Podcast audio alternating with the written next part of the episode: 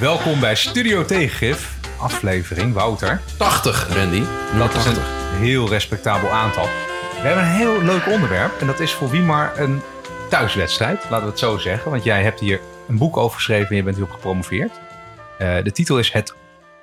Nou zeg ik het helemaal verkeerd. De titel is Onvermogen, het Nederlandse belastingbeleid faalt. Hoe voel je je, Wiemer, dat we het hierover gaan hebben? Fantastisch. Ik vind het hartstikke leuk. Euforisch. Overigens ben ik... Zeg je uh, euforisch? Ja, ik, ik, ik, had, ik had het net ook bij de voorbespreking... dat ik een beetje rare woorden uit mijn mond... Uh, vermeugen, zei Vermeugen, zei ik toen. ik, ben overigens, uh, ik ben overigens niet gepromoveerd op belastingen... maar gepromoveerd op een proefschrift... waarin ik de doorrekeningen door het Centraal Planbureau... van verkiezingsprogramma's en regeerakkoorden met elkaar heb vergeleken... als een deel daarvan van het proefschrift. Dus dat kan je dan nu ook weer doen. Dus je kan vergelijken wat hadden partijen uh, in hun verkiezingsprogramma staan voor de verkiezingen. Het was dus 1 maart 2021. En wat uh, staat er volgens in het regeerakkoord. Dus uh, dat gaan we straks uh, Er zit een beetje verschil tussen, zit verschil tussen. Er zit altijd beetje, een, klein toe beetje, zit daar een beetje verschil tussen. Een mini klein beetje licht zit daartussen. Ja, hè? ja, ja, dus dat is wel, wel leuk. Dus er worden mensen ook altijd een beetje uh, wel, wel af en toe een beetje wantrouwig van of, of achterdochtig. Nou ja, dat boekje wat jij erover hebt geschreven had ook als titel Iedere formatie faalt. Ja, dat was ook om wat te verkopen. Uh, maar de, de, overigens misschien goed om te zeggen dat uh, in Nederland politici of politieke partijen behoorlijk betrouwbaar zijn. Hè? Dus ongeveer 75% van de beloftes komt wel uit. Voor komt gewoon nagekomen.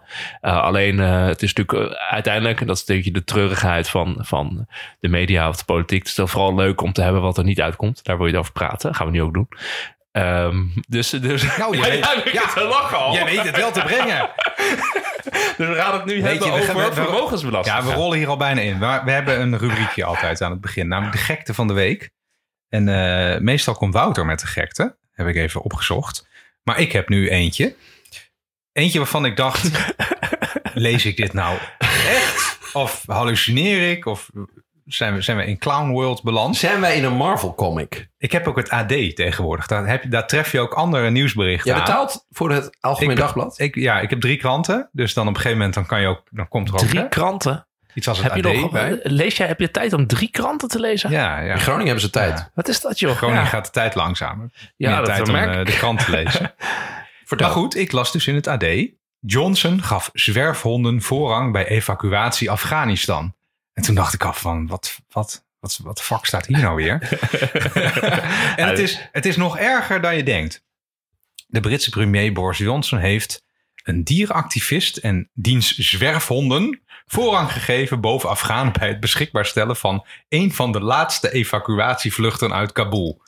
Dus hij had een soort uh, bevriende, uh, een vriend die in Kabul een, een centrum had voor zwerfhonden en zwerfkatten. En die is dus dat vind ik dan ook heel tekenend, op, of heel, heel beeldend. Op een van de laatste vluchten. Hey, je weet wel waar mensen zich voor het vliegveld uh, op de bek sloegen. Van ik, wil op die, ik wil op die vlucht. Want anders, wielen hangen. anders word, word ik verkracht en vermoord door de Taliban. Daar heeft hij dus een dierenactivist laten evacueren. Nou, dat kan je nog verdedigen. Maar met 94 honden en 68 katten. Ja, dat is het vliegtuig wel vol. ik zit ook te nou. bedenken, dat wordt ook een bende in dat vliegtuig als je dan uh, terugvliegt. Die gaan allemaal lopen uh, plassen, poepen met z'n allen bij elkaar. Dat gaat stinken, of niet? Ja, zover had ik het niet. ik, ik, vind, ik vind het, het, ik vind het zo'n mooie gekte. Omdat Dit is echt gestoord. laat zien dat, nou ja, dat hij af en toe wel zijn best doet... om de leegte die Trump achter heeft gelaten... toch te vullen qua gekte. En dat de Britse conservatieve partij nepotisme niet iets ziet als iets wat niet de bedoeling is... maar het is gewoon een onderdeel van wie we zijn. Uh, en niet alleen bij dingen waarbij het als het ware, waar je er misschien mee wegkomt, maar ook gewoon bij de, gewoon de, de, de meest levensbedreigende dingen die je maar kunt voorstellen. Als jij het, app, het telefoonnummer hebt van, van Johnson, kun je het gewoon cheffen. En maakt, we denken echt maakt niet, niet maakt uit. niet uit hoe dom het is. Vriendendiensten zijn gewoon heel belangrijk. Vriendendiensten, je helpt elkaar. De mensen die je kent, dat, dat hoort erbij. Overigens uh, heeft Johnson gezegd dat het volslagen onzin is. Maar weten van Johnson dat als hij dingen ontkent, dat ja, dat dat niet en weet je wat het is? Op een gegeven moment heb je... Ook gelet op de feestjes die we... Ja, op, op een gegeven moment heb je zo ongelooflijk weinig geloofwaardigheid... dat zo'n mhm. ontkenning ook echt niks meer doet. Ik geloof iedere beschuldiging nu uh, meteen. Nou ja, goed. We houden erover op. Het is ook te dom voor woorden. 9400, 68 katten. Zitten we toch in een Marvel comic? Is er een echte werkelijkheid en is dit gewoon een... Uh... Nou ja, als ik dit soort dingen lees, dan denk ik wel van... droom ik dit? Of hè, hoe zit dit? Ja. Dit kan toch Hoe gaat dat op zo'n vliegveld dan? Heb je allemaal van die, dat is ook allemaal van die gezinnen? Die, en van die, van die kattenmandjes, weet je? Er worden dan achter... Hoeveel waren 94 kattenmandjes. 94 kattenmandjes worden zo naar binnen getild, ja. in. En ondertussen zeg je dan tegen gezinnen van... nee, we hebben geen plek meer voor jullie. Ga maar lekker de Taliban-gevangenis in. Wie ja, nou ja, goed. Ik, ik wil het er ook niet meer over hebben. omdat het zo droevig is. Ja, we lachen erom, maar het is, het is te triest. Ja, dat is een... Hey, financiën. Financiën. Nou, uh, normaal uh, um, is dat ook een onderwerp wat niet zo heel veel aandacht krijgt. Maar er is echt een ongelofelijke stortvloed aan kritiek op het regeerakkoord gekomen.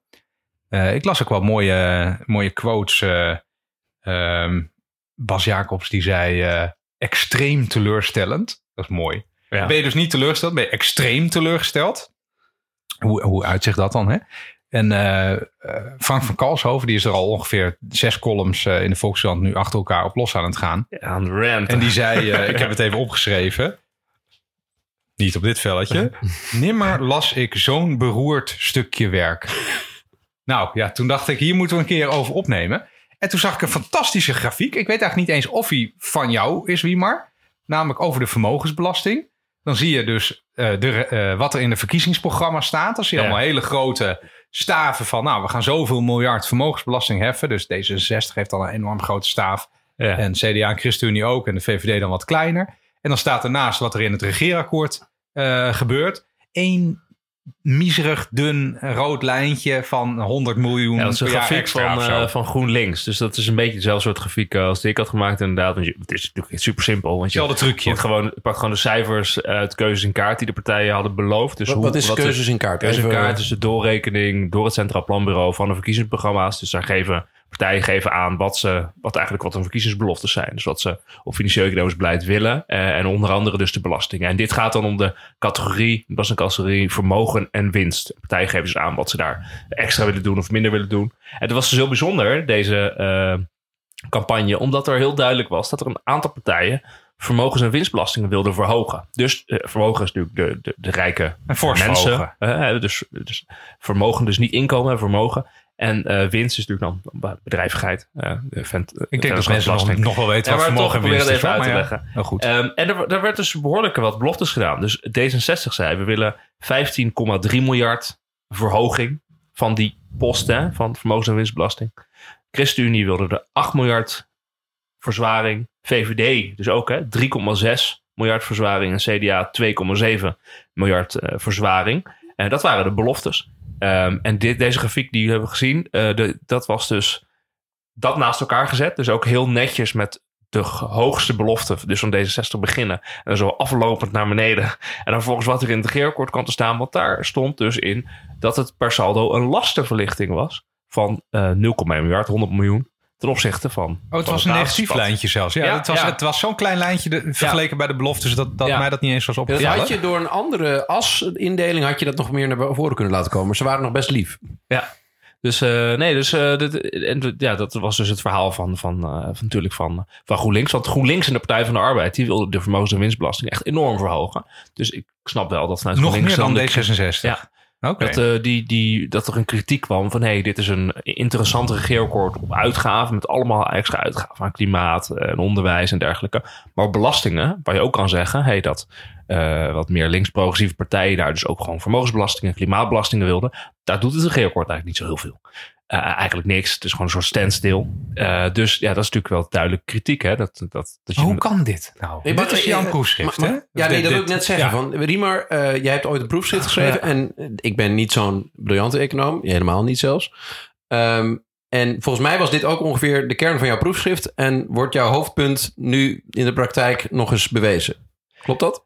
Nou, dus uh, wat ik in dat proefschrift vond, is dat als je de verkiezingsprogramma's en de, valt op, uh, als je de verkiezingsprogramma's en de regeerakkoorden vergeleken, vallen een aantal dingen op. Dus iets wat bijvoorbeeld opvalt, dat eigenlijk de, de extra uitgaven die de overheid doet, dat die eigenlijk altijd wat hoger liggen dan uh, het gemiddelde of het gewogen gemiddelde van de verkiezingsprogramma's. Dan beloofd dan, dan, dan, Ja, maar en dat is ook wel te begrijpen, hè? want je kan je voorstellen dat als je met elkaar gaat onderhandelen, dat, je dan, uh, dat het dan lastig is om, om bezuinigingen overeen te komen. En het is wat makkelijker om te zeggen: kom, we gaan allebei wat extra uitgeven, want dat hebben we beloofd.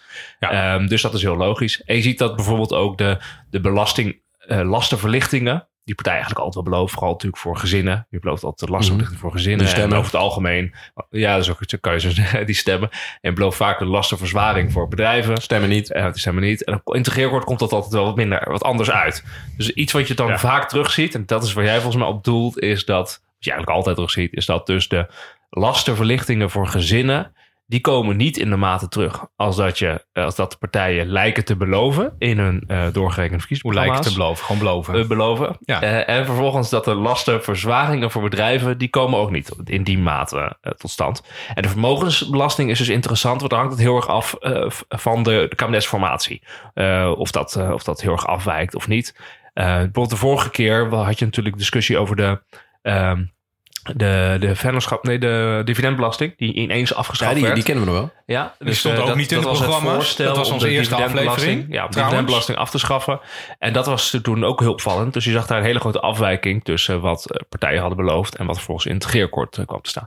En dit zie je dus nu weer terug overigens. Dus de uitgaven van de integreerakkoord zijn veel hoger dan wat je zou verwachten op basis van de verkiezingsprogramma's van deze vier partijen. En wat je ziet is dat dus de lastenverlichting voor burgers veel minder is dan je zou beloven. Ja. En dat de lastenverzwaring voor bedrijven uh, ook veel lager is dan dat je zou uh, Er niet is, toch? Uh, er bijna niet is. Nee, klopt. klopt. Ja. En hoe um, zou jij gewoon hypothese... Je kunt ook, stel je bent een, een, een, een, een stemmer op de partijen die dit regeerakkoord gesloten hebben...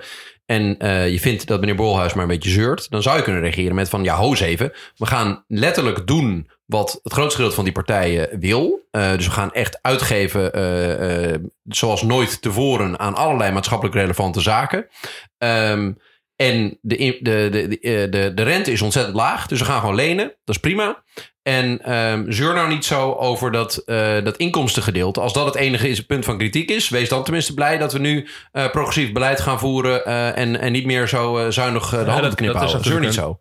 ja, dat kan je natuurlijk altijd zeggen. Maar kijk, als je vermogensongelijkheid wil bestrijden, dan is een van de hele duidelijke manier om dat te doen is om belasting te gaan heffen op vermogen. Om meer te belasting te gaan heffen op vermogen. Nederland is een van de grootste vermogensongelijkheden ter wereld. Dus als je er iets in wil doen, is de kans toch wel... Ja, dan moet jij wel eens met belastingen gaan doen. Als je niks doet, en dat gebeurt dus in het regeerakkoord... dan laat je de vermogensongelijkheid uh, in stand. Sterker nog, die neemt toe. Uh, dus dat, dat ga je de komende periode zien. Dus dat is natuurlijk gewoon een probleem. Goed, dat is toch geen zeuren, of wel? Dat is, dat, dat is, is toch nogal frappant dat als je zegt... we gaan daar wat aan doen en je doet daar dan helemaal niks aan... dat je dan kritiek hebben krijgt. al deze vier partijen gezegd dat ze vermogensongelijkheid als een probleem zien in de maatschappij? Nee, ze hebben gezegd uh, dat, ze, dat ze vermogen en winst gingen belasten, extra belasten. En dat mm. doen ze niet. En D66 en ChristenUnie hebben zeker gezegd dat vermogensongelijkheid dat ze een probleem vinden. Daar gebeurt ze eigenlijk niks. Ja. Hè? Dus je kijkt naar het regeerakkoord, dan zie je uh, dat er bijvoorbeeld wel vooral de, de vennootschapsbelasting, dus voor de bedrijven, want dat is dan het winstgedeelte, die wordt verhoogd door allerlei regelingen. Um, maar er gebeurt eigenlijk vrij weinig met vermogensbelastingen. Dus uh, de, de box 3 vermogen hebben, ja. dat, daar gebeurt eigenlijk niks. Nou ja, nou, er gebeurt één heel groot ding. Namelijk, dat moeten we ook nog even introduceren. Dat er een uh, uitspraak van de Hoge Raad is geweest, recent. Uh, iedereen die, of iedereen, dat zijn ook niet zoveel mensen, maar mensen met een beetje geld op de bank die weten dat je daar dan belasting over moet betalen. Ja. Um, en dat betaal je dan op basis van een uh, fictief rendement. Dus je, dat, niet ja. iedereen haalt dat rendement echt. Dus heel veel mensen vonden dat altijd al heel oneerlijk. Nou, wat heeft de rechter nu gezegd? Ja, dat is oneerlijk. Strepen door. Ja. Uh, en de staat, nieuwe staatssecretaris van Fiscaliteit, die dus lekker aan zijn nieuwe werk begint, Van Rij, Marnix van Rij, geloof ik. Die, -hmm. die heeft wel een, een, kluifje op zijn bord, want er is dus een, echt een streep gegaan door die box 3-heffing, de vermogensbelasting. Dat is, kost 4,8 miljard euro per jaar. Aan inkomsten. Aan inkomsten. Even, uh, dat is echt veel geld in rijksbegroting termen. Ja, dus er en, moet iets van een vervanging voorkomen. En er moet misschien nog, nog gecompenseerd worden voor de ja, afgelopen maar, jaren. Maar, maar, ik wil het even goed begrijpen. Stel, ik heb een vermogen, we maken het even simpel, 100 euro. En dan de staat verwacht dus dat ik daar een bepaald percentage aan geld mee verdien in een jaar. Dat ik weet veel 2 euro, 2 procent op mijn 100 euro verdien of 4 euro. Um, en daar moet ik dan een beetje belasting over betalen, zou het idee zijn. Dus dat is een soort verwachte winst op die 100 euro die ik heb. Um, en de rechter zegt eigenlijk van... nee, dat is, dat is niet oké okay dat je dat zomaar verwacht. Um, uh, dus uh, die moeten we schrappen. En nu heeft de staatskas een probleem omdat die niet meer geheven wordt. Ja, omdat ja. de wetgeving dus niet geldig is. Of hoe de, hoe je het netjes zegt. dan maar, nul belasting betalen nou, over het geld dat ik verdien met mijn de, geld? De Belastingdienst heeft aangegeven dat, dat ze... Uh, zo duidelijk werd het overigens niet gezegd, maar dat ze voorlopig geen aanslagen gaan uitsturen wat betreft de vermogensbelasting. Dus de vermogensbelasting is er praktisch niet meer? Nee, op dit moment nu niet. Op dit moment is die er niet. Op dit moment is er geen vermogensbelasting in Nederland. Daar komt het eigenlijk op neer. Nee, dus, okay. dus dat, dat grafiekje... Ja. Dat grafiekje zijn nog erger. Ja. dus eigenlijk per saldo nu, als je niks doet, is er een, is er een, zware lastenverlichting uh, als het gaat om vermogensbelasting. Maar dat, dat, je weet natuurlijk dat de regering gaat natuurlijk met reparatiewetgeving komen of andere wetgeving om te zorgen dat meer vermogensbelasting. Denk, moet, moet dat dat lukt? Dat, uh, ja, dat, ik denk dat dat lukt, want er komt gewoon een soort crisiswet komt er. Kijk, het belastingplan moet natuurlijk komend jaar weer uh, rond Prinsjesdag ingediend worden. Het belastingplan dat komt met de miljoenennota mee, er staan alle belastingen in. Daar gaat ook. Oh, dat is toevallig. toevallig, hè? Er komt ook natuurlijk een belastingplan over hoe gaan we weer vermogensbelasting uh, heffen. Want 4,3 miljard is veel geld. Plus, daar gaat de coalitie natuurlijk nooit goedkeuren dat we geen uh, nou, ik, kijk nergens meer van op. hey, ja, en, maar misschien over dit hele plaatje is natuurlijk wel fascinerend. Dat is de reden om hierover te hebben. Mhm. Je hebt dus partijen die bij elkaar echt beloven, beloofd hebben... we gaan meer heffen op vermogen en op winst. En in het regeerakkoord komt dat niet te staan. Je hebt vervolgens, uh, vind ik zelf nog wel interessant, dat een van de dingen die er wel in staat, is dat bijvoorbeeld de jubelton wordt afgeschaft. En daar moeten we wel even over hebben. Dus de belastingvrije schenking van iets meer dan 100.000 euro. Mensen die huis willen kopen. Die uh, ouders uh, en ook grootouders kunnen doen aan, aan hun kinderen en kleinkinderen als ze bij de aanschaf van een huis. Hè. Dus dat wordt natuurlijk, natuurlijk het voordeel van uh, mensen met geld. Mensen met geld. Ja. dat zeg je netjes. Uh, die wordt afgeschaft. Maar dat, daar is het fascinerende van. Dat dat pas in 2024 afgeschaft wordt. Wat natuurlijk ook ja. heel vreemd is. Want je kan gewoon zeggen in 2023. We stoppen ermee. we, zetten, we zetten hem op nul. je mag het niet meer invullen. Nou dat snap ik dus ook niet. Ik snap dat niet. En dat is natuurlijk ook wel iets raars. Dus de belofte wordt nagekomen. Deze jubelton gaat een jaar later in. de box 3 belasting is nu afgeschaft. Um, en er gebeurt uh, ja, dan bij elkaar denk je dan wel. wat gebeurt er in Nederland? Wat gebeurt er in Nederland? Dat, dat zie wat je is hier aan de hand? Dat zie je. Nou ja, uh, dat weet ik wel. Zal ik die vraag stellen? Dan kunnen... maar wat je dus ook terugziet in al, al die columns die hier dan toch hè, over geschreven worden, of columns, gewoon uh, stukken in kranten. Uh, dat de het Nederlandse belastingstelsel is zo evident onrechtvaardig. Ja. Dat je dat dus- eigenlijk niet meer recht kan lullen. Dus, dus wat je ziet in Nederland is dat gewoon uh, vooral natuurlijk arbeid wordt relatief zwaar belast ten opzichte van andere mensen. Dus van andere landen. Dus dat betekent dat als je werkt en je verdient geld met werken, dan moet je zware belasting betalen. En uh, verdien je geld met vermogen, krijgt er iets bij, dan niet. Ja, ja. dat is natuurlijk dat is precies. Dat is wel echt een, een probleem. Niet alleen dus omdat je dan vermogensongelijkheid niet uh, bestrijdt, als je dat dan een probleem vindt. Uh, want vermogensongelijkheid kan natuurlijk tot ongelijke kansen leiden en tot uh, verschillende generaties. maar ook gewoon, het is economisch gezien niet efficiënt. Want het is heel logisch om te zeggen, we gaan stilstaande vermogens, erfenissen, gaan we zwaarder belasten. Het zet ook niet zo aan tot productiviteit volgens Nee, want het zet niet aan tot productiviteit. Um, Ga lekker werken. We gaan juist arbeid minder belasten. Gaat de erfbelasting nog een beetje omhoog? Er gebeurt helemaal niks met de erfbelasting in de, in de maar, waar, ik, ik, snap, ik wil eigenlijk vragen, hoe, hoe, wat is jullie verklaring van hoe dit zo uh, heeft ja, belastingen zijn gewoon heel impopulair. En ik, wat ik dus mooi vind, belastingverhogen is gewoon heel impopulair. Nee, dus dat dit, willen mensen. Dit kan het niet dit, verklaren. Nee, nee, maar een van de mooiste dingen die ik gewoon, wat ik, waar ik mijn hoofd niet zo goed omheen krijg, is: je hebt dus de VVD en CDA, dat zijn natuurlijk van deze coalitie wel de partijen waarvan je weet die hebben het meeste moeite om vermogens meer te belasten of winst meer te belasten. Gewoon gelet op hun uh, ideologie, zeg maar. Hè? En ook hun achterban. En vervolgens is er dus, is daar dus ergens de keuze gemaakt. We vinden dat zo naar dat we dus in het regeerakkoord dat gaan tegenhouden. Geen extra vermogensbelastingen en heel beperkt extra winstbelastingen.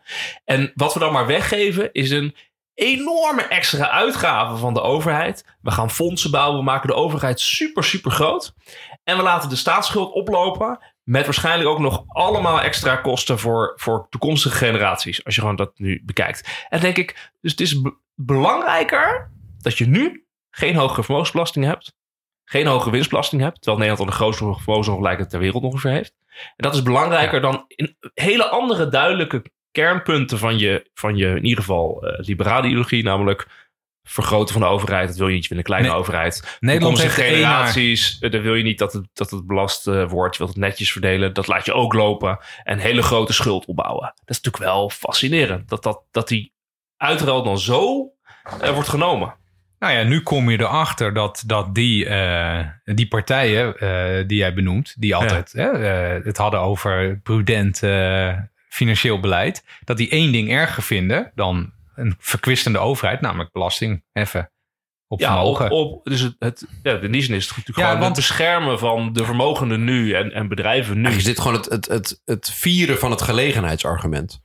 Eigenlijk, de, de, de, de, de aap komt uit de mouw.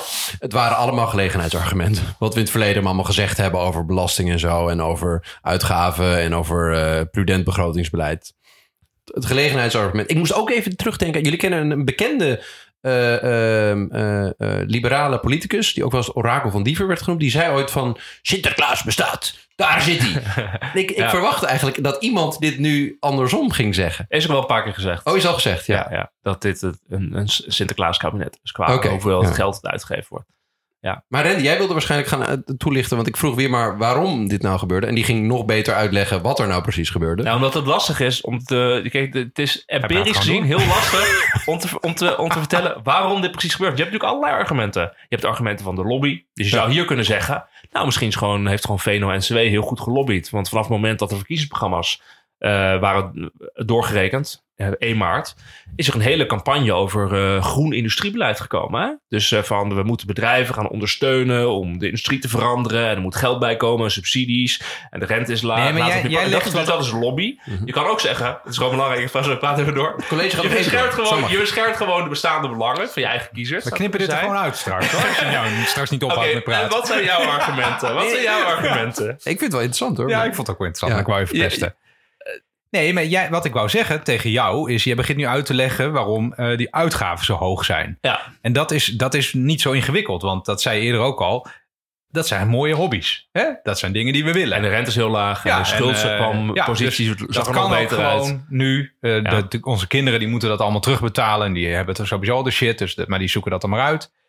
Maar waarom zijn we, vinden we belasting heffen op waar het geld daadwerkelijk zit, namelijk die vermogens, vinden we dat nou zo ingewikkeld? Want jij zei, de vermogensongelijkheid in Nederland is een van de grootste ter wereld. Ja, het is de één na grootste ter wereld. Na de Verenigde Staten heeft Nederland de allergrootste vermogensongelijkheid. Is dat inclusief pensioentjes of zonder pensioentjes?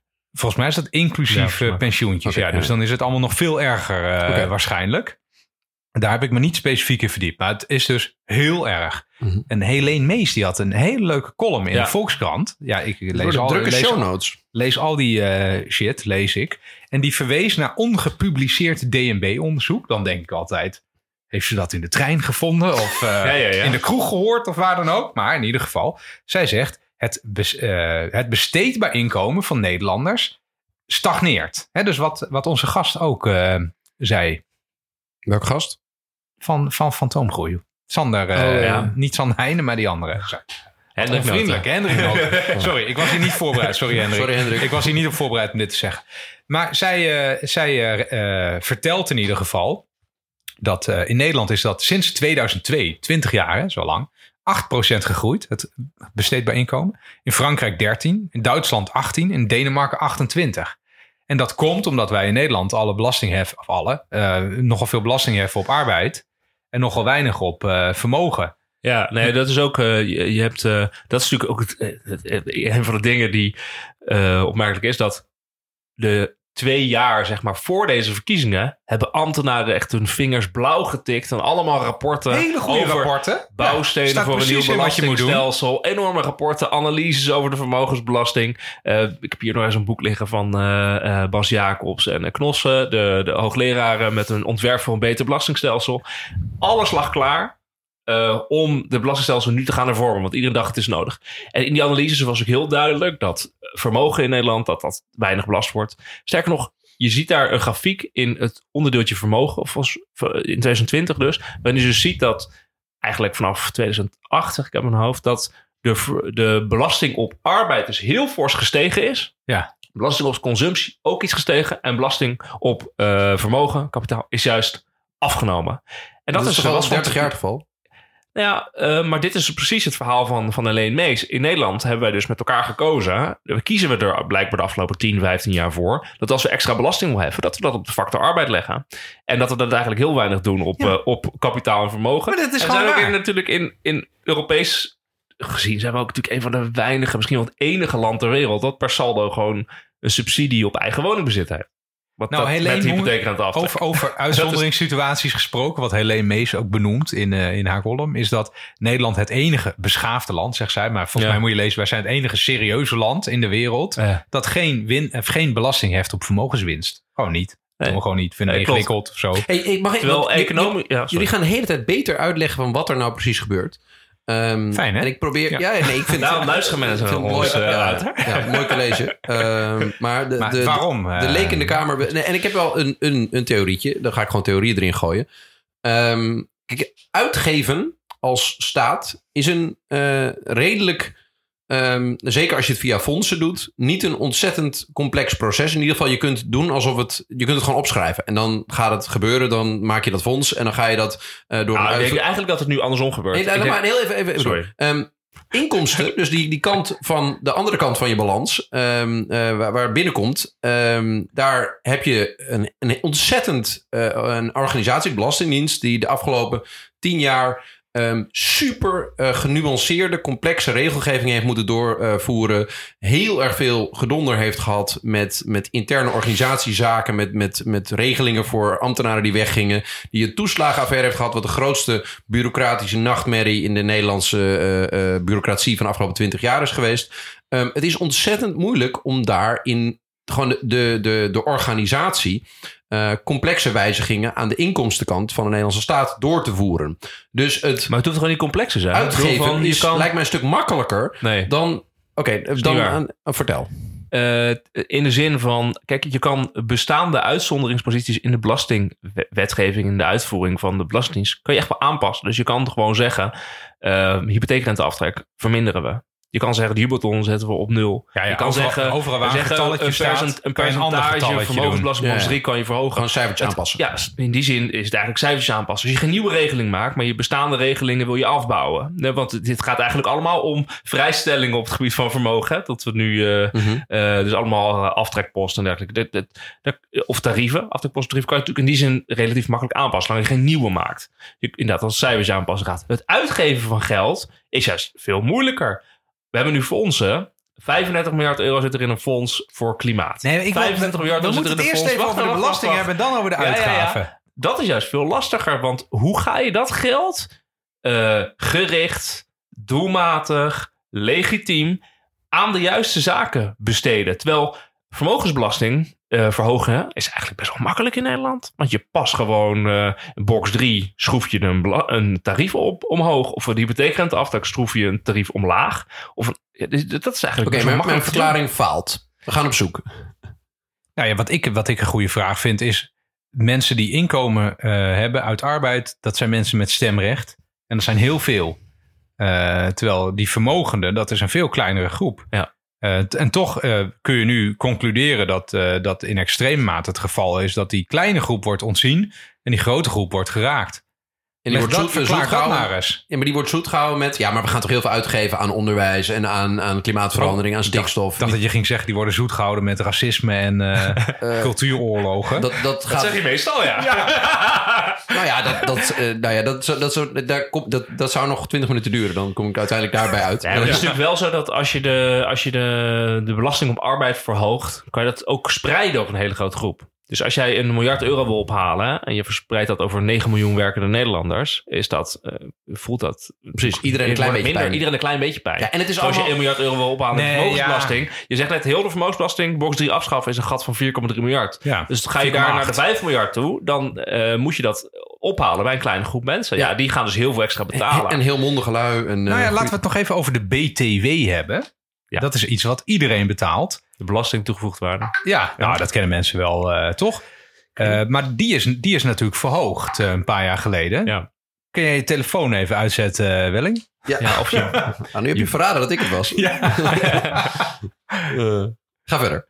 Nee, maar dat, eh, daar, daar is dan zo... Dat, mensen mopperen wel een beetje. Maar het is niet dat er nou in Nederland een volksopstand uitbreekt... van, ach god, en dan wordt de BTW ook nog verhoogd. nee. Nee, Maar dat vind ik wel, dat verbaast mij wel. Oké, dan ga ik nu even toch, net als ik de hele tijd nog een beetje optimistisch, ga ik toch wat cynisch. Is het niet zo dat het is gewoon voor de verkiezingen de kiezer naar de mond praten, na de verkiezingen mensen op technocratische wijze op kleine dingetjes een beetje uitknijpen, want daar letten ze toch niet op. Eh, en daarna gewoon kijken of we ermee wegkomen. Nou ja, kijk, de Nederlandse fiscaliteit is wel een soort uh, spiegelpaleis waarin ook nog een rookgranaat is afgeschoten. Je hebt echt geen flauw idee wat er nou eigenlijk echt gebeurt. Deze een beetje toelichten. Nou ja, ik, ik, ik, uh, ik zit al heel lang in de trein hè, als ik hier uh, naartoe ga inmiddels. En dan, dan lees je nog een beetje en denk je... En ik zit hier al best wel lang ook in. Hè? Nou, af, af en toe denk je, jezus, hoe zit dat nou eigenlijk? Dus die nou, belasting op huisjes bijvoorbeeld. Vind ik wel een mooi iets. Dat, dat, er, uh, dat er geen belasting wordt gegeven op huurinkomsten, hebben we hier al heel vaak genoemd in deze podcast. Nou, de meeste mensen zullen intuïtief denken dat dat wel zo is, bijvoorbeeld. Dat, is, gewoon even, is gewoon inkomsten? Ja, het zijn gewoon inkomsten. Dus als ik werk uh, bij, de, bij de slager op de hoek dan, en ik verdien daar 100 euro mee, dan moet ik wel wat betalen. Maar als ik een huisje verhuur en ik verdien er 100 euro mee, dan hoef ik niks te betalen. Wat is dat voor doms? Of, natuurlijk ook een goed voorbeeld, maar ook bijvoorbeeld, je hebt een huis en je verkoopt het. Over de overwaarde betaal je bijna geen belasting. Nee. Ik zat uh, of het gisteren, in waarde. Gisteravond, zonder dat je het eh, verkoopt. Gisteravond zat ik uh, naar uh, Sander en de Kloof te kijken. Um, ik dacht, ik ga even al die twee afleveringen bekijken die hij nu heeft uitgezonden voor dit gesprek. En dat is ook fascinerend dat je gewoon ziet dat allemaal mensen gaan dus allerlei huizen opkopen. Met dus uh, in dat Gaat leningen. dat over de pretbox ook? Uh, de ja, alle, de, de alle mooie dingetjes die... De Facebox, Facebox, box 3. Oh, daar heb ik, ik dacht altijd dat dat box 2 ja. was. Want in box 2 is, wordt ook als vaak als een pretbox gezien. Dus je moet gewoon voorstellen... Iedereen, nee, iedereen die wat kan in box 2 en box 3... die heeft of, zit of in de face of in de pretbox of andersom. In ieder geval, je kan maar, daar... Er is maar één box waar je echt hard gepakt wordt... als de box waar alle gewone mensen in zitten. box dat is box 1. Ja, en je kan alleen natuurlijk gewoon heel erg kiezen... wat je met vermogen doet. Hoe ga je dat in box 2 doen? Box 3 kan je het heen en weer schuiven.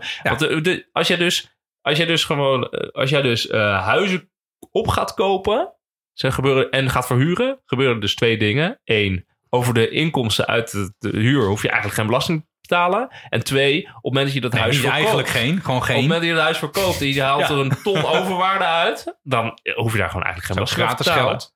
Behalve dat je dan, behalve dat je op een spaarrekening zet, dan moet je er uh, wat Wat je wel betaalt, is dus die vermogensheffing. Ja. Uh, die nu geschrapt is. Ja, die nu geschrapt is. Ja, dat is ook zo gestoord. dat, is het enige, dat is het enige wat je wel betaalt. Ja. En wat je dan ook nog eens een keer mag doen, heb je de leegwaarde ratio. Dat is ook iets, dat bedoel ik met een spiegelpaleis. Dat? dat als je een huis, als ik dan een huis heb wat ik aan jou verhuur, dan kan ik zeggen, oh, maar dit huis is nu minder waard, omdat Wouter Welling erin woont, die een huurcontract heeft. Dus dan gaat er nog eens een keer 15 tot 55 procent van de waarde ja. af. Dus voor zover je al belasting betaalt, heb je weer allemaal van die cadeautjes. En dan heb je nog iets anders. Misschien heeft, heeft uh, Schimmelstuiver dat ook naar voren gebracht in zijn programma. ja. Heb je de Spaar BV. Uh, dat, dan, uh, dat is nog weer een truc. Dan betaal je nog weer minder belasting over huisjes. Dan betaal ja, daar je, wordt het. Ja, precies. En, en dat is allemaal uitgelegd uh, daarin. Overigens wordt nu in dat, dit regeerakkoord.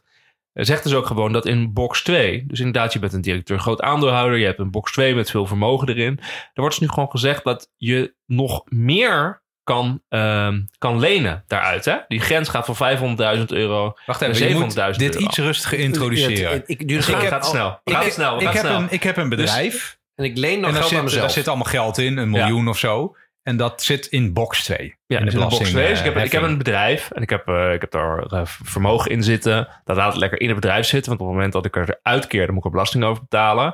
Maar vervolgens kan je wel aan dat geld komen. Waarom? Je kan van jezelf lenen of je kan leningen afspreken. Nou, met dan je je die lening aan jezelf kwijt. En dan vervolgens ben je dus met jezelf bezig. Ja, met, om terug te betalen. Huis. Dan koop je een huis dit of is, een auto nu, of nu iets anders. het echt wild. En dat was dus, ja. dit, dit, dit, dat gaat dus ook omhoog. 500.000 euro naar 700.000 euro. Is gewoon meer ruimte om te, te lenen. Terwijl wij hebben hier is de vorig jaar een keer een aflevering gemaakt over belastingen. En toen ging het inderdaad over dat er dus in box 2 veel meer vermogen bleek te zitten. Ik weet niet meer zijn bedrag. 200 ik weet miljard het bedrag euro. uit mijn hoofd. 200 miljard euro men, meer men of zo. Dacht, men dacht dat er 200 miljard in zat. Ja. En wat zat erin? 368 miljard. Ja, dus bijna 200 miljard meer. Ja, komt oh, opeens op. En, en, en dus allemaal geld tevoorschijn. Er dus ook allemaal rapporten van daar moeten we wat aan doen. Want er zit heel maar veel dit geld zijn, in. Dit zijn Nederlandse BV's. Uh, Nederlandse BV's. Ja. En wat er in het regeerakkoord staat is gewoon eigenlijk nog meer verruiming voor die BV's. Ik moet, nog ik, meer mogelijkheden om daar dingen mee te doen. Je moet een beetje de, de kijker, of de kijker, de, de, dat zeg ik heel vaak, de luisteraar even verontschuldigen dat we zo hyper enthousiast door elkaar heen schreeuwen. Ja. Maar dat komt omdat de Nederlandse belastingstelsel is zo evident onrechtvaardig. Ja, dat klopt. Dat je denkt gewoon, ben ik nou gek geworden? Of wat zijn ze hier aan het doen? Okay, en niet, niet alleen evident onrechtvaardig, maar ook evident uh, ondoelmatig, zeg maar, ja. economisch ja. onverstandig. Gewoon dingen die je zou moeten belasten. Grond, huizen, uh, gedeeltes Om, van erfenissen. Uh, omdat, je, omdat je inderdaad niks hoeft te doen. Doen we allemaal niet. redelijk stilstaand vermogen is. Omdat het niet kan bewegen. Alle dingen die, die uh, niet mobiel.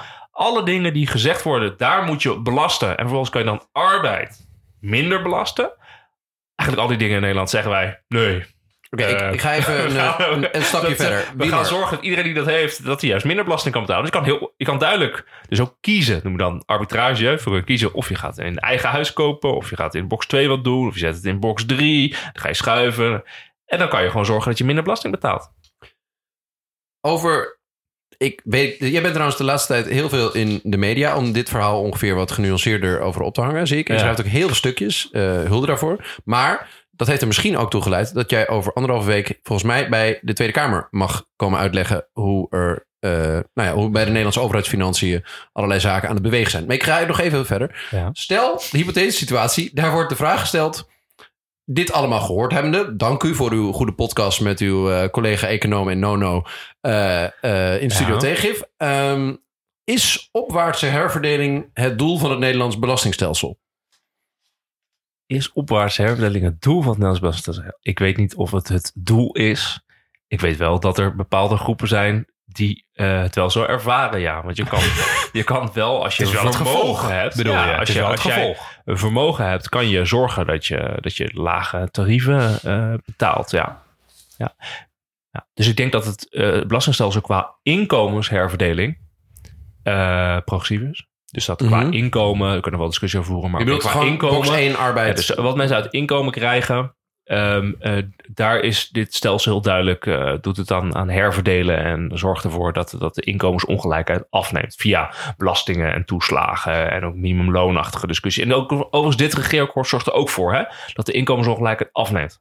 Mm -hmm. uh, onder andere door de verhoging van het minimumloon en alle die ja, ja, stop, stop, stop, okay, stop. Maar stop. de vermogensongelijkheid, hij doet dit heel de vermogensongelijkheid daar, daar, daar doet dit akkoord dus. Nee, maar ook de aan. inkomensongelijkheid weet je niet, omdat het inkomen uit vermogen niet wordt meegenomen, want dat wordt niet goed gemeten, want dat wordt immers toch niet belast. Ja, discussie over, ja, klopt. Ja. ja, ja.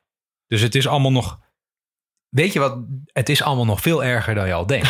dat, is, dat is iets wat mij dus opviel. Ik heb het gevoel, Randy, je hebt een soort realisatie tijdens dit nee, gesprek. Nee, nee, maar dat, altijd als ik heel lang in een trein zit, dan word, kom ik altijd helemaal geradicaliseerd en opgenaaid. Kom ik er weer uit. Ik wil even vertellen dat Randy vanuit Groningen hier dan 2,5 in de trein zit. Alles leest. Dan met stoom uit zijn oren binnen komt zetten ja, om hier de podcast op te nemen. Nee, maar weet je, dit, dit geeft mij het gevoel van... Hiervoor had ik een hele oude auto. En op een gegeven moment komt een auto op een punt. Dan gaat alles tegelijk kapot. De ja. Nederlandse overheid is die auto. Ja. Dus alles is nu kapot aan het gaan. Dus die vermogensbelasting, dat was al heel lang bekend dat dat een juridisch probleem was. Daar doe je dan niks aan, want dat kun je niet, want dat was de reden. En nu is het kapot. En zo gaat het een na het andere. Gaat maar maar help me dan even, want de eerste reacties op dit coalitieakkoord waren ook vanuit de progressieve hoek, de, de, de, de, de GroenLinks PvdA, echt van verhip, waar moeten we nou kritiek op gaan halen? Nee, hebben, kijk, ze doen gewoon wat wij in ons verkiezingsprogramma hebben. Ja, Nederlandse progressieven zijn een beetje dom. En daarom gaat het ook zo slecht met die progressieve partijen. Want hun hele programma hebben ze de prullenbak ingegooid voor een soort cultuuroorlogprogramma. En het enige wat ze op economisch vlak nog riepen is meer geld uitgeven. Mhm. Mm -hmm. Nou, en wat gebeurt er nu? Rechts heeft ontdekt dat ze ook geld kunnen uitgeven aan hun hobby's. Dus dan krijg je inderdaad in plaats van dat de vervuiler betaalt, stoppen we 30 miljard in een stikstoffonds. En in een klimaatfonds nog eens keer 25 miljard. En dan gaan we de vervuilers betalen. Dus dat is allemaal in econo economieboeken die vliegen gewoon in de fik. Als je dit bij dit, bij dit dicht bij dit beleid houdt. Dat is allemaal, het slaat nergens op. En dat is wat we nu gaan doen in Nederland. En dan vind, ja, dan vind ik het niet gek dat mensen ook steeds uh, het is zoals ik het steeds opgenaaid uit is de trein komen. Ja, nou, het is natuurlijk wel echt, echt heel zwak. Dat je dus uh, progressief linkse partijen... dat die dus inderdaad nu een regeerakkoord zien... waar nog veel meer wordt uitgegeven... dan dat ze zelf hadden bedacht. Dus ik heb een analyse gemaakt uh, voor een blog geschreven. Dat heet Rutte 4 is het kabinet dat bij elkaar gekocht is. Geleend. Geleend is. Ik, weet niet eens ik ken jouw stukjes beter dan jij zelf. Nee, nee, schrijf je dat wel zelf hier? Ja, ja, ik schrijf Hoe? het wel zelf. Heb je een soort uh, Indiër die Nederlandse? werd. En een van de analyses is dus dat het kabinet geeft dus uh, 26 miljard euro extra uit in het einde laatste jaar van het kabinetperiode. Uh, en dat is dus gewoon 60% meer dan wat de ChristenUnie, die het meeste extra wilde uitgeven, uh, doet. Ja. Dus dit kabinet Klein gaat partijtje. meer dan over de kop ten opzichte van het voorstel van wat, wat de ChristenUnie wilde. Um, dus er gaat, wordt echt heel veel extra uitgegeven dan wat er beloofd was. En dat is, dat is dat is natuurlijk heel opmerkelijk om, om te zien. En ja, volgens het denken dan linkse partijen... oh, het gaat allemaal naar onderwijs. Oh, het gaat allemaal naar klimaat. Oh, het gaat allemaal naar bereikbaarheid. Oh, er gebeuren ook nog wat dingen op sociale zekerheid. En, uh, en minimumloon gaat omhoog. Maar is toch ook en vervolgens, maar, dan, maar waar hier dus het grote punt is... is dat er dus aan de belastingkant gewoon een standstil is. Er wordt helemaal niks gedaan. Het is, maar dat is toch ook makkelijk te counteren. Als ik een, een conservatieve politicus ben... en ik heb dit uh, coalitieakkoord... Um, alles wat die progressieve partijen allemaal opschreven. Jongens, gaan we doen. En misschien nog wel meer dan u wilde. En het enige wat ik voor u overlaat is zeuren over dat we niet genoeg belasting hebben. Nou, heffen. Nou, kom maar op. Nee, kom precies. Dat is ook, dat is ook waar. Hè? Dus dat is een, ik denk dat dat een lastige discussie is. Dat klopt. Nee, maar dan, om, nou, om nou te zeggen, weet je wat de belangrijkste punt wordt? Twee keer, er zijn nu meerdere debatten geweest. En twee belangrijke punten door de links-progressieve partijen gepakt om oppositie te voeren. Eén, Oh, er wordt op de zorguitgaven wordt, uh, omgebogen. Uh, minder, minder uitgegeven dan... Minder meer uitgegeven. Minder meer. Ja. Dus ik denk, ja, iedereen ziet dat die uitgaven gewoon zo hoog worden. Je moet daar iets doen. Kom op, weet je. En ten tweede, denk ik, de AOW. Ja, gelijk hè. De AOW gaat in dat niet helemaal mee omhoog met die hele verhoging van het minimumloon. Maar de koppeling blijft gewoon in stand. De AOW uh, eh, gaat ook omhoog met de, de loonstijgingen. In Nederland weten gewoon dat de zou armoede dit, onder zou jij dit dom, populisme willen noemen dat, dan? We weten dat, dat armoede onder mensen met AOW dat die extreem laag is. Juist door het succes van de AOW. En denk ik de mensen die... Ze stemmen wel heel vaak Ja, nee maar, nee, maar dat is dus precies wat er aan de hand is. Dus dan ben je dus een groep waar er dus veel van zijn. Want we hebben een vergrijzing. Veel mensen in AOW hebben. Die ga je dus vervolgens eigenlijk vertellen er wordt, dat wordt gewoon dat de beeld geschapen wordt. Dat er op hun AOW gekort wordt. Dat de koppeling niet meer stand wordt gehouden. Dat wordt allemaal wel gedaan. De, koppeling blijft gewoon in stand. De AOW gaat gewoon stijgen de komende jaren. En je doet net alsof dat allemaal in gevaar is. Je bent gewoon mensen aan aan het ophitsen. Dat is wat je aan het doen bent. En ik vind dat gewoon schadelijk. Want als je echt wat wil doen voor mensen die, uh, die een AOW hebben en die echt in de armoede zitten, dan moet je specifiek beleid gaan voeren. Want als je nu ineens voor iedereen de AOW-uitkering omhoog doet, dan ga je dus ook AW uh, eh, verhogen voor mensen die gewoon 100.000 euro aan aanvullende pensioenen hebben. Of al die vermogens hebben die we nu, uh, waar we nu over aan het praten zijn. Die geef je ook allemaal extra geld. Dat zei, uh, dat, dat zei Robin Fransman ook hè, toen hij hier was. Het is zo slecht gericht. En dan zeg je, ja, ik vind dat echt... Ik kom dat, dat, totaal niet tussen dat. De twee, ja, sorry. Dat dat de twee belangrijkste punten zijn als, als links-progressieve partijen om oppositie mee te voeren. Ja, dat is echt, dat is echt armoede. Nou ja, ik wou zeggen, en toen moest ik, ik, wou, ik zei, uh, Robin Fransman, die zei dat ook toen hij hier was. En we hebben dat nog niet, we hebben dat nog niet benoemd. Hij zei, laat ik eerst even zeggen wat hij zei. Hij zei, uh, als je het minimumloon wil verhogen, wat heel nodig is, dan moet je wel even uh, accepteren dat je het minimumloon omhoog doet, zonder dat je alle daaraan gekoppelde uitkeringen, zoals de AOW in de bijstand, ook meteen omhoog doet, want dan wordt het onbetaalbaar. Uh, dus volgens mij is dat wat ze hebben gedaan. Nee, want ze alle, de, de, alle, de bijstandsuitkeringen en dergelijke gaan wel allemaal mee omhoog. Oh, die gaat wel mee, maar de AOW die gaat allemaal mee omhoog. Alleen de AOW gaat niet met die 7,5% omhoog. Dus die blijft gewoon elk jaar wordt wel geïndexeerd. Dus als er, uh, de AOW wordt wel, blijft gewoon elk jaar geïndexeerd worden met de loonontwikkeling. Alleen die AOW maakt niet die stap van 7,5% nee, precies, Mag ik even, even weer uh, Nono willen vragen stellen? Ja. Um, is het dan niet zo dat dit heel mooi is dat er één punt is waarop de vermogende klasse in Nederland, namelijk oudjes, niet uh, bemazzeld wordt en de jeugd een keer een klein beetje uh, iets meer krijgt van de grote taart? Nee, maar dat is wel te verdedigen natuurlijk. Nee, Alleen... Ik bedoel meer dat ik dit, ik snap het nou best. als, je, ja, als, je dit, als je dit doet, dus je gaat ook 7,5% de AOW verhogen dan ga je dus inderdaad heel veel mensen ook extra geld geven die, eh, die dus nu al uh, aanvullende pensioen en vermogens hebben. Mm en dat is gewoon, ja, jongeren gaan dat betalen, hè? want de, de werkende mensen die betalen de AOW-premies, de belastingen voor het omslagstelsel van ja, de AOW. het is knetterduur. Het is knetterduur. Maar ik zit daar sowieso, ik, ik miljarden ben, euro's per jaar. Eerder gezegd, de matigste econoom van ons drieën. Um, er wordt ontzettend veel geleend. De, de, de, de staatsschuld gaat heel erg er stijgen. er wordt niet geleend voor structurele uitgaven. Er wordt geleend voor incidenteel geld. Als je de AOW nu 7,5% verhoogt, dan zeg je dat tot het einde der tijden, dus structureel, je de AOW met 7,5% uh, omhoog gaat. Ja, ik snap het. Dus er gaat ongeveer 35 ja. miljard euro maar, uh, in, in zijn AOW of 40. Dan ga je dus 7,5% verhogen. Dat leen je dus.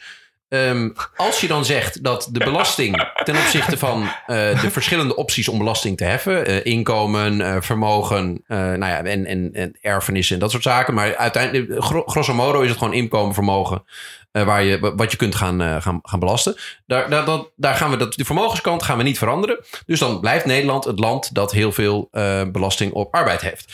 Um, die, die staatsschuld in de toekomst, daar zal je rente over moeten gaan betalen. Die gaat wat stijgen. Um, dus is het zo dat de werkenden van morgen meer moeten gaan betalen ja, ja. door wat we nu allemaal over de balk smijten. Uh, en dat zijn die jongeren die ja, het al heel lastig hebben, want daar zit het vermogen niet. Ik hier wil ik wel wat nee, als jij, Dus als je de AOW structureel zou verhogen, dan moet dat betaald worden door arbeid. Dus dan gaan we de belasting Die steeds kleiner groep wordende groep verhogen. werkenden. Want dat is hoe het nu, nu, nu is. Nee, maar Wouter net je ook nog gewoon een premie als werkende. als, je, als je het in de staatsschuld laat lopen, of die fondsen, hè, waarvan, het, waarvan het, het, kabinet dan doet alsof dat incidentele uit... Ik dacht dat je dat net ging zeggen. Uh, die supergrote fondsen op uh, klimaat, stikstof en onderwijs, totaal 65 miljard euro. Mm -hmm. die zijn natuurlijk kun je wel zeggen, die zijn incidenteel. Maar dat geld dat moet natuurlijk dan wel terugbetaald worden. Dus dat wordt gewoon door toekomstige generaties terugbetaald. Maar een ander interessant fenomeen is dat um, als je heel even heel economisch ernaar kijkt. De reden dat een overheid ook belasting heft uh, en niet gewoon uh, al het geld uh, leent of drukt, is dat, nou dat kan. Hè? Dat zou, in theorie kan je dat zo doen. Als je je eigen munteenheid hebt. Dat is ook omdat als de overheid al dat geld uitgeeft, uh, dan ontstaat er natuurlijk gierende inflatie, tenzij je ook weer een hapje uit de economische taart uh, pakt via de belastingen. Ja. Uh, en nu zie je dat de inflatie al enorm oploopt. En we gaan lekker uitgeven. En we gaan heel veel uitgeven zonder dat te financieren met belastingen. Dat gaan we lenen. Dus je kan ook verwachten, wie maar noemde al net iets over krapte op de arbeidsmarkt. Maar je hebt allerlei soorten krapte natuurlijk van materialen en weet ik veel wat allemaal. Dus het geld weet bij God niet meer waar het naartoe moet straks. Um, en bijvoorbeeld wat je zou, dus zou kunnen doen, in plaats van het geld uitgeven, zou je ook had kunnen zeggen. Uh, er zijn wat berekeningen over gemaakt. Volgens mij zit er weer een Bas Jacobs berekening. Als je al het kapitaal in Nederland met 35% belasting zou heffen, dus een uniform belastingtarief, kan je dus de, dat stond ook in de column van, uh, ja, van dat Mees, Helene Mees. Kan je dus de, de, de arbeidsbelasting kan je verlagen met 8%. Dan gaan er dus wel extra mensen zich aanbieden op de arbeidsmarkt. Want dan is het dus aantrekkelijker om te gaan werken. En dan heb je misschien uh, handjes om, waarom, om waarom extra te gaan, niet, Wiemer? om wel die transities te gaan doen. Want een van de dingen die, daar hebben we het nog niet over gehad, maar een van de dingen die nu gaat gebeuren, is, we hebben nu allemaal, we hebben nu fonds, uh, stikstoffonds met 25 miljard, dan een klimaatfonds met 35 miljard. Dat is allemaal incidenteel geld, grapje, want het is 35. Dus dat is, dit is niet zo incidenteel, is best wel bijna structureel. Maar vervolgens, hoe ga je dat geld uitgeven? Want dat betekent dus dat je, dat je een enorme structuur moet gaan opbouwen. Van een ambtelijke structuur of een bureaucratische structuur. Waarbij je moet bepalen. Oh, er komt een bedrijf met een subsidieplan. Want ze gaan uh, vergroenen. Is dat dan een goed plan? Willen we daar geld aan geven? Dus wat er gaat gebeuren is dat bedrijven en andere partijen en masse plannen gaan maken. Die gaan dat ergens dan indienen. Dan moet er een, er moet er een, een ambtelijke organisatie moet dat volgens gaan beoordelen. En er komt een enorme governance structuur op. En vervolgens worden er allemaal uh, externe partijen weer gevraagd om een check te doen of die plannen goed zijn. Want zo gaat het altijd. Hè? Dus er worden er allemaal adviesbureaus gevraagd, onderzoeksbureaus gevraagd. En dan, het, eerste wat er is gebeurd, is een heel veel vertraging.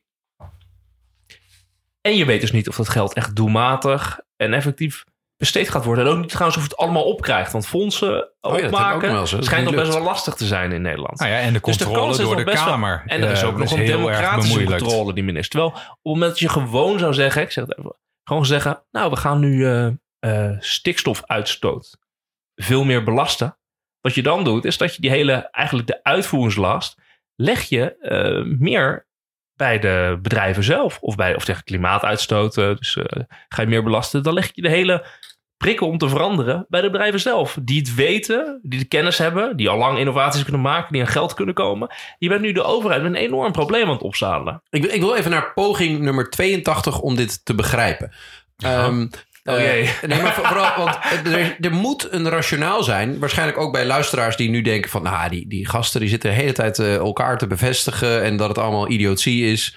Um, maar er zit een hele logische reden achter. Die is namelijk... Blablabla. Um, of Draagvlak. Ik kan me heel goed voorstellen. Dat is natuurlijk, hè, die kan natuurlijk. Uh, ik denk dat, uh, dat dat. Volgens mij zei Marieke Blom dat bij Buitenhof. En dat is natuurlijk terecht. Kijk, je kan natuurlijk wel allemaal economische verhalen houden. Maar economen gaan dan geen verkiezingen winnen. Want het is natuurlijk best wel een impopulaire boodschap. Dus het is in die zin wel een populaire boodschap om te zeggen. Nou, als je wil vernieuwen, als je wil verduurzamen. dan krijg je geld van de overheid. Je ondersteuning, subsidie. bedrijven, boeren. ik, kan me dat, ik kan me dat voorstellen. Dus qua draagvlak is het wel te begrijpen. Alleen je weet wel gewoon dat het waarschijnlijk uh, je, je doel dan uh, langzamer bereikt. Dat er verspild gaat worden, heel veel bureaucratie komt. Um, zou, men, dit, zou men dit gewoon voor lief nemen? Want ik denk echt niet dat hier... Die zitten niet allemaal dommertjes aan de knoppen. Dat zijn echt wel die lui die hierover nadenken. ik ben het er hier helemaal niet mee eens. Want dit wordt een megaprobleem. Uh, op Twitter rekende Pieter Omtzigt voor dat uh, dat klimaatfonds en dat stikstoffonds, dat kost dan voor een gezin met twee kinderen, dus zo had u dat berekeningetje dan gemaakt, kost respectievelijk 8000 en 6000 euro. Um, en het, natuurlijk lijkt het in eerste instantie voor draagvlak goed dat je zegt, nou, we gaan geen belasting heffen, we gaan het gewoon uitgeven. En we lenen het wel of zo. Uh, maar als mensen eenmaal doorkrijgen dat, dat, uh, dat zij dit uiteindelijk gaan betalen en dat er een slechts een hele kleine groep is die profiteert, Terwijl het normaal gesproken de bedoeling is dat vervuilers betalen in plaats van dat ze betaald worden. Ja, dan krijg je grote politieke onrust, denk ik. ik misschien kan je ook wel verklaren dat uh, de VVD in de peilingen nu, nu opeens dan wel heel hard begint te dalen. Dat mensen wel aanvoelen dat zij dit gaan betalen. Want echt, ook, ook van de VVD-kiezers is niet de meerderheid extreem vermogend. Uh, zolang je je inkomen uit arbeid verdient, of, of dat nou veel of weinig is. Ja, jij bent dit aan het betalen allemaal. Ik denk dat dat. Uh, ik denk dat Sigrid Kaag wel eens de wet van Bolhuis kan breken. Uh, die, die wet was dat de minister van Financiën populair is zolang die ademt. Nou, die, nadat die, die, ademt. Die ook zelfs denk ik. nou, een beetje. Een beetje. Die, die deed de aanzet. Deze wet gold tot de Hoekstra-minister. Ik denk, er wordt nu zoveel geld over de balk gegooid. Ik denk dat dat. Uh, nou, er zit toch wel een theorietje achter dat in de, in de burelen. De, veel van die fiscale zaken zouden ook gewoon nog bij, bij voorjaarsnota of. Um, uh, er zouden nog een hoop aanpassingen kunnen komen. Nee, want dat, dat gebeurt niet bij belastingen. Belastingstelsels, die, eh, als je belastingstelsels wil veranderen, dan moet je dat echt regelen in een kabinetsformatie. Want het is te complex, te groot. Het kost heel veel politiek kapitaal. En dat nu. Nee, maar even theoretisch, wat als men nou in ingecalculeerd heeft dat hier heel veel uh, kritiek op zou komen. Um, dat ze er in de formatie niet uit zouden uh, komen. Dus ik, stel, ik, ik, maak even een theorietje van hoe de minister van Financiën toch populair kan blijven. Ja. Um, vervolgens ontstaat er een maatschappelijke kritiek die nu ontstaan is, omdat de, de, de, de, de econompjes zich aan het roeren zijn. Um, en vervolgens kan je daar prachtig op inspelen door toch aan een paar knopjes te gaan draaien. Ja, dit, dit, beetje in de juiste richting. Dit is dan weer flagrant in strijd met de wet van Welling. Ja, dat wilde ik net zeggen. Namelijk dat, het, dat er geen plan achter zit, ja, maar dat het allemaal chaos en incompetentie is. Hoe was dat ook alweer? Nee, jij, jij maakt altijd zo'n drieslag. De beste verklaring voor bijna alles is chaos, toeval en incompetentie. Toeval, ja. Dat, dat, dat, dat vergeet ik altijd. Ja. Nou, dit is heel vaak gewoon de reden voor het ding. Um, ja, ik, ik, ik heb het gevoel dat we best wel uh, uh, al een heel eind. Uh, maar je zou, kijk, ik bedoel van, het is toch wel zo dat je doet nu een hele. Bedoel, we beoordelen nu van een grote afstand. Het is wel gewoon echt zo dat uh, er zijn nog geen uitvoeringsplannen gemaakt uh, door de regering. Dus, dus, er valt natuurlijk wel in een goede uitvoering nog heel veel te veranderen. In de kwaliteit van de plannen. Dat schrijft die Marieke Stellinga ook in de NRC-column. Ja, van, ja, als die plannen dan heel goed zijn... Ja, maar je kan eh, ook dan uh, is, komt het allemaal goed. Ja, maar tegelijkertijd is het natuurlijk wel terecht dat... Kijk, we zeiden met z'n allen tegen elkaar van... we willen nu een open bestuurscultuur. We willen een dun regeerakkoord. Het moet niet alles dichtgetimmerd zijn. En dat, nu worden er worden deze keuzes gemaakt met uh, grote fondsen... en van we gaan het op hoofdlijn ongeveer zo doen. En dan vervolgens begint iedereen te schreeuwen... waarom is er geen doorrekening van het Centraal Planbureau? Waarom is het niet uitgewerkt? En dan denk ik, ja, dat, je kan niet. je, dat was moet wel kiezen. Je moet wel kiezen. Dus ja, maar dat was de kritiek. Gewoon de, het moet nog uitgewerkt worden. Maar er, er is wel, laten we zeggen, in de uitwerking heel veel ruimte om eh, nou, ergens tussen, tussen een 1 en een 10, zeg maar. dus je mag daar wel. Het is wel belangrijk dat daar goede keuzes worden gemaakt. Er een beetje controle op is, een beetje transparant gebeurd. ja. Ik denk dat, dat je op voorhand kan zeggen dat veel van die plannen die liggen er niet. En uh, die worden echt niet uit de dunne lucht uh, getrokken. Uh, en als je zoveel geld uitgeeft, dan, is dat, dan lukt dat vaak niet. Nee, ik denk dus, dus dat kun je ook op voorhand echt wel beweren. Je kan dus ook, je kan dus ook zeggen, hey, misschien hebben de VVD en CDA het heel goed gedaan. Want er worden nu allemaal fondsen gemaakt. En dan zou je verwachten dat de overheidsuitgaven enorm gaan toenemen. Dat willen die partijen eigenlijk niet. Dat willen geen grote overheid. Dan doe je het incident Maar ehm, dit geld gaat helemaal niet uitgekeerd worden. Ah. Want dat, dat lukt niet. Je kan die fonds helemaal niet En dan uitkeren. kan je alsnog de overheid de schuld geven. Nee, maar dit is ook in strijd met de wet van Willing.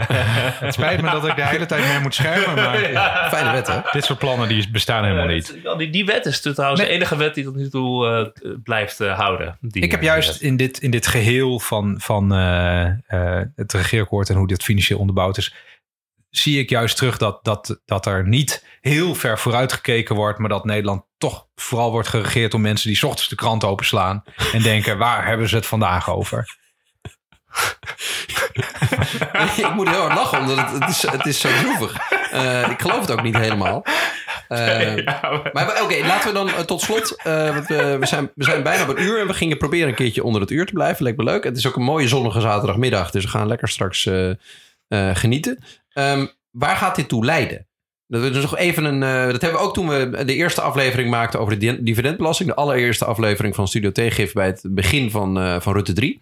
eh, hebben we een beetje ge- vooruitgeblikt van wat gaat hier nou mee gebeuren. Kunnen jullie, Oh, ja. Hebben jullie daar gedachten over Nou. van wat, waar gaat dit toe leiden? Daar wil ik wel even beginnen. Want ik denk dat dit wel tot grote problemen gaat leiden. Want om één contrast te noemen, we hebben benoemd dat die vermogensbelasting dat daar een streep doorheen is gegaan. Eh, aan de andere kant zat er ook een eh, voordeeltje in voor mensen met weinig geld, namelijk de BTW op groente en fruit zou naar nul gaan. Oh ja. Hè, dus de- dat wordt vaak de belasting op armoede genoemd. Want dat, eh, dat neemt een hele grote hap uit als je bijvoorbeeld een bijstandsuitkering hebt. Maar de Belastingdienst heeft gezegd: ja, maar die, kun- dat kunnen Lukt we niet. Dat, dat lukt niet. Dat wordt op zijn vroegst 2026. Ergo, dat lukt gewoon niet, deze kabinetsperiode. En ik zeg dit, want dit is een voorbeeld van het contrast wordt nu zo groot. Eh, en ook onbedoeld, hè?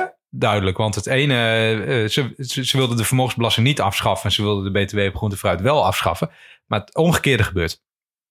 Ja, ik denk dat je, dat je steeds dat de belasting, eh, hoe zeg je dat? De belastingmoraal gaat afkalven door dit soort dingen. De maatschappelijke onrust gaat toenemen. Het kabinet wordt instabiel, want je moet al die kosten ook maar steeds maar weer oplossen. Maar laten we het, ik, ik denk dat, ik ga toch proberen mee te denken met Wouter. Laten we het als een kans zien. We denken dat dat wel kan. Kijk, die box 3 belasting met dus eh, dat je een fictief rendement hebt. Eh, dus al bij de invoering waren al, nou ja, is er gewoon bundels geschreven door wetenschappers die zeiden dit is onverstandig en niet haalbaar en ook niet houdbaar juridisch. Nou, dat zien we dan nu gebeuren. En die pleiten eigenlijk allemaal, alle fiscalisten in Nederland ongeveer, voor gewoon een vermogenswinstbelasting. Dus je kijkt gewoon... Dat, dat lukt toch ook nooit binnen twee kijkt- jaar of drie jaar? Ja, maar je, gewoon de vraag van... oké, hoeveel eh, extra vermogen heb je tot je beschikking... ten opzichte van het e- ene jaar ten opzichte van het andere jaar? Gewoon je winst, je hebt de, de vermogen in de pocket. Dus je moet het echt afgerekend hebben. En dan moet je daar een bepaald percentage over betalen.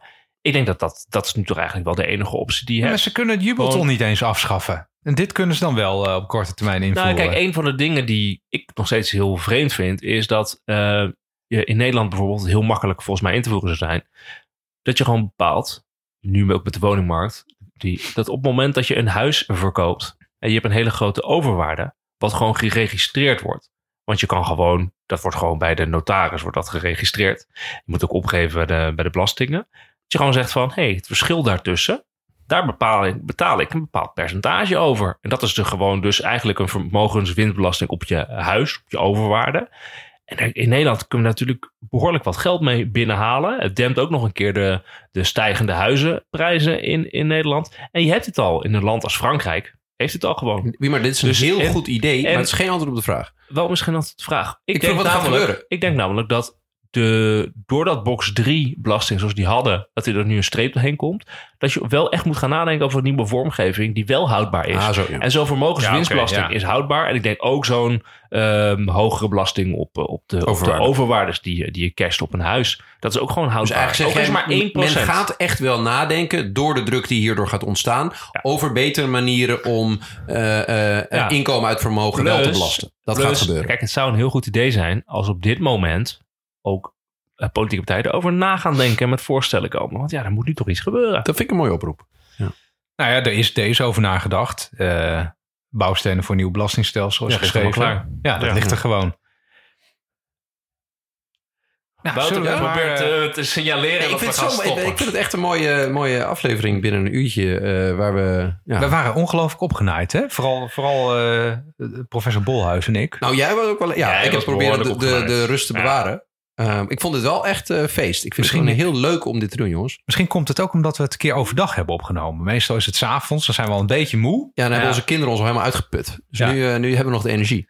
Precies, precies. Ik vond het heerlijk, jongens. Uh, lieve luisteraars. Uh, we roepen ook iedereen op om allemaal ideeën voor een nieuwe vermogensbelasting... om die naar ons toe te sturen. Ja, vooral naar Wiemer, want die gaat naar de Tweede Kamer om ze uit te leggen. Um, en bedankt voor het luisteren, zou ik zeggen, toch? Jij, zegt no, jij zegt vaak ook nog wel wat stichtelijks over uh, reviews. Oh ja, als u reviews heeft, schrijf ze voor. Oh, en uh, in, de, in, de, in de Apple Podcast app of in uh, Pocketcast of in Spotify, waar je maar in luistert. En geef ons eventjes vijf sterretjes in je Spotify app. Dat helpt heel erg om gevonden te worden. En deel deze link met al je vriendjes, vriendinnetjes.